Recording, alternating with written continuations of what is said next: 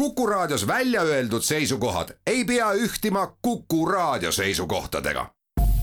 Te kuulate Kuku Raadiot.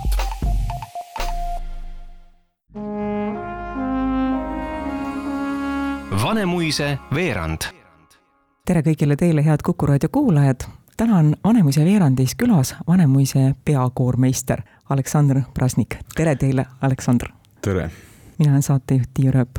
uue nädala laupäeval, kahekümne kuuendal novembril toimub Pauluse kirikus Vanemuise ooperikoori kontsert Imede aeg. selle kontserdi kava on kokku pannud Vanemuise koormeistrid Kristi Jagodin ja tänane saatekülaline Aleksandr Prasnik enne kui me jõuame kontserdi juurde, mis on koormeistri ülesanne ooperikoori juures? see on tegelikult väga huvitav küsimus, sest tavaline inimene koormeistri töö ei näe tegelikult laval. Aga seda koormeistri tööd tegelikult eh, väga suur, sest eh, koormeistri puhul on selline ülesanne, et koormeister peab õigel ajal ette valmistada koori enne lavastuse protsessi tegelikult oleks tore, kui koor laulab juba peast, sest nad võivad liikuda laval, kõndida ja, ja niipidi. aga kõik koormeistri töö puhul pean ütlema, et kõik asjad, mis on, mis on näiteks äh, nüansid, kas koor laulab äh, õiges dünaamikas, piano, forte, kõik štrihhid, kõik tempod, kõik üleminekud kõik sisseastumised õigel ajal, kõik seda, kõik on, see on see kormeistri töö ja kõige raskem ooperikoori puhul minu arvates see on äh, kulissi taga äh, koorid. mis see tähendab, et need on lavastusi ja tegelikult meil neid ooperis partituuris kirjas, et koor laulab lava taga. vot see on kõige raskem minu arvates äh, hetk, kus koor peab laulma ja tegelikult ta näeb dirigenti ainult monitooris, aga tihtipeale monitoor on natukene taga. ja siis, kui äh, publik istub saalis, no kui muusik istub saalis, ütleme niimoodi, siis tihtipeale, et orkester ja koor ei ole koos. mis on, siis koormeister läheb kulissi taga ja juhatab koori ise natukene ettepoole.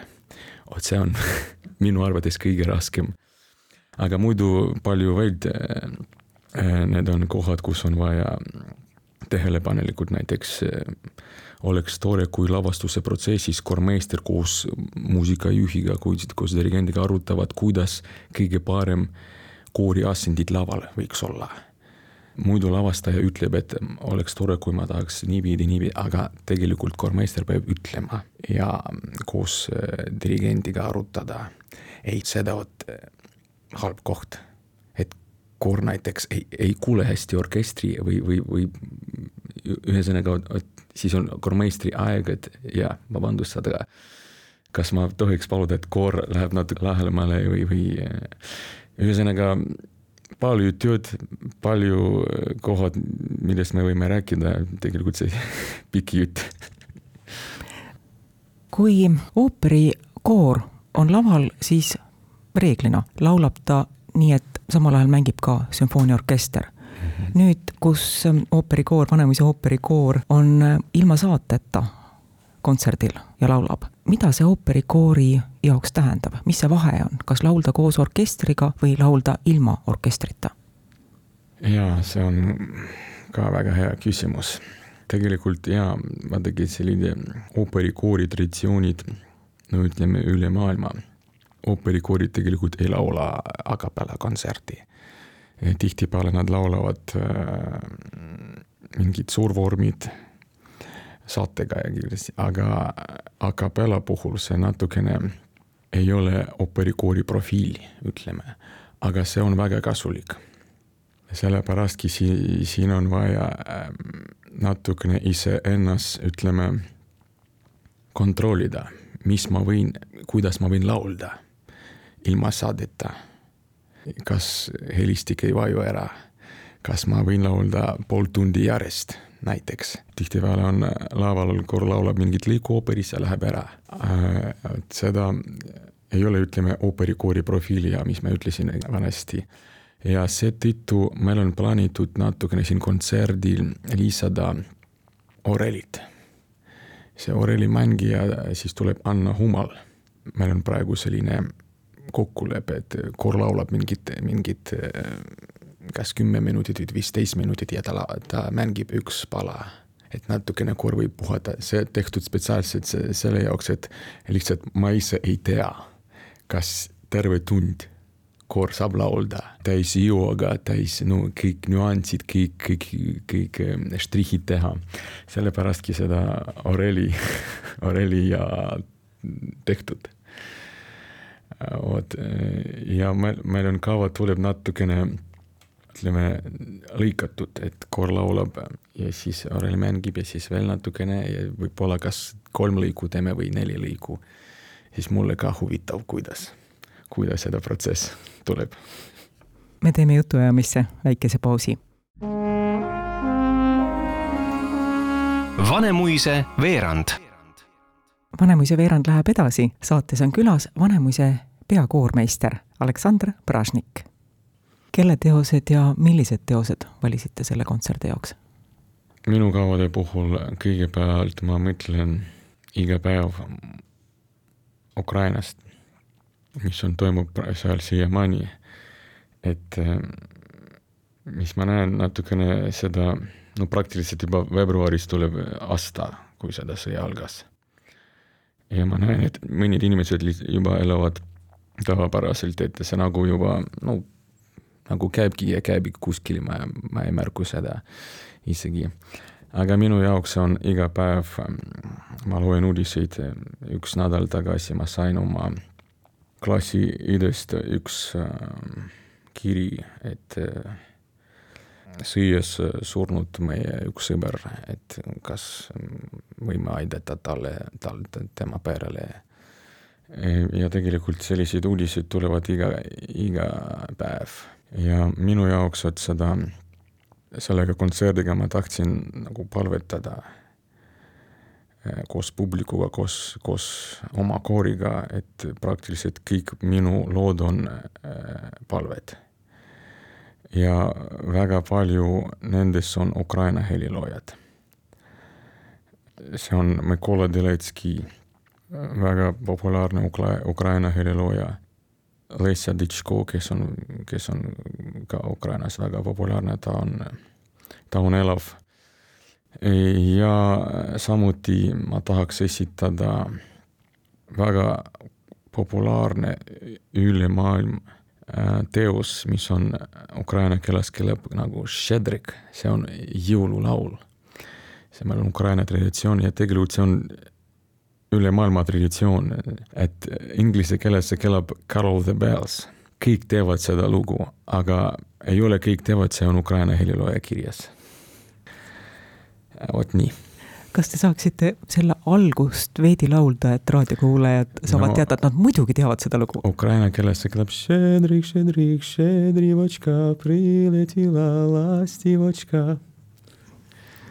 väga populaarne, väga kuulus teos ja. Mikule Leontovitš ma esitan veel äh, üks palve meie isa ka. mis ma pean veel ütlema, ma ei tea paari sõnaga võiksime ära nimetada ka need teosed, mida on teine koormeister ja valinud. kui me arutasime Kristiga, mis me, mis me kavale paneme, siis tema poolt tuli pakkumine, et no kõigepealt pean ütlema, et me valisime oma poolt kõik lood, kõik palad, mis meile meeldib ja, ja koorile ka. Et see oleks tore laulda, nautida koos, ei ole mingit, muidu meil on sees, on äh, nagu me oleme kormeistrid, meil on äh, oma ülesanded ka anna koorile mingit, sellega teostada mingit kasu, kas intonatsiooni või, või mis iganes, muidu siin on, siin on ka nagu selline õpetlik moment on ka, aga kõigepealt on, et seda koorile meeldib laulda ja meile meeldib juhatada. ja Kristi, Kristi juhatab siis ka Eesti heliloojad, see on Kirillus Kreeki, Pärt Uusberg, tal on ka ja mõned heliloojad, ütleme, välismaalased, see on Joseph Reinberg, see on äh, saksa helilooja, üks äh, Ameerika helilooja ja Inglismaal helilooja, et need on äh, kõik palad.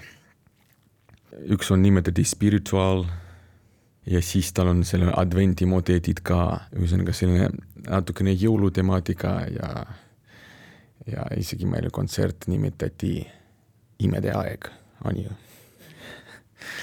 no siis püüame seda kuidagi nagu tekkida. millised Kreegi teosed kõlavad? Te, ma saan aru, et nii teie kui ka Kristi ja Koodin valisite Kreegi teoseid sellele kontserdile? jaa, just, just nii.